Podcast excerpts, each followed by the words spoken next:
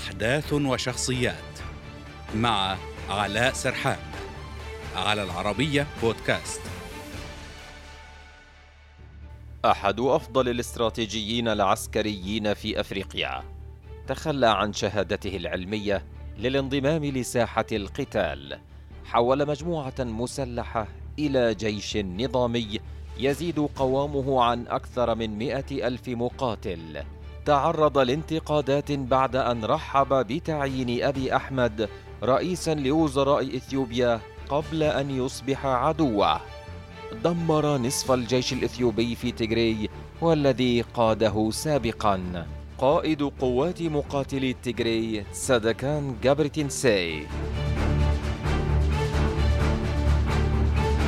وسط الحرب في إقليم تيغري برز اسمه كقائد كبير ومحنك. درس علم الأحياء في جامعة أديس أبابا عام 76 ولم يعمل بما تعلمه وفضل الانضمام لجبهة تحرير شعب تيغري في أواخر السبعينيات.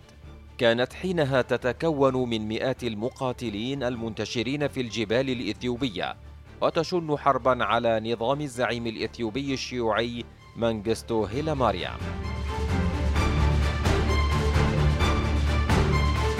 استمرت الحروب التي كان يخطط لها وينفذها ببراعة سدكان من عام 76 حتى عام 91 وخلال تلك السنوات الخمس عشرة تمكن القائد العسكري من تحويل المقاتلين من فلول حرب إلى جيش مكتمل الأركان قوامه أكثر من مئة ألف عنصر.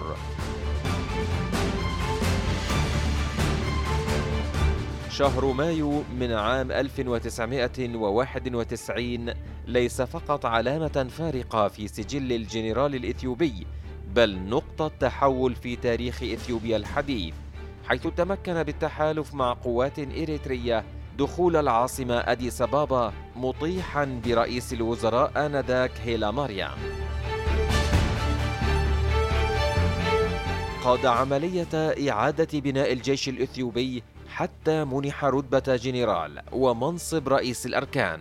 وخلال السنوات العشر التي قضاها كرئيس لقوات الدفاع الوطني الإثيوبي شكل القادة السابقون في جبهة تحرير تيغري نواة الجيش. الأمر الذي أدى إلى بروز أصوات معارضة قالت إن الجيش لم يكن متوازنا عرقيا لأن أبناء تيغراي يشكلون حوالي 6% فقط من السكان بينما يمثلون غالبية القوات المسلحة.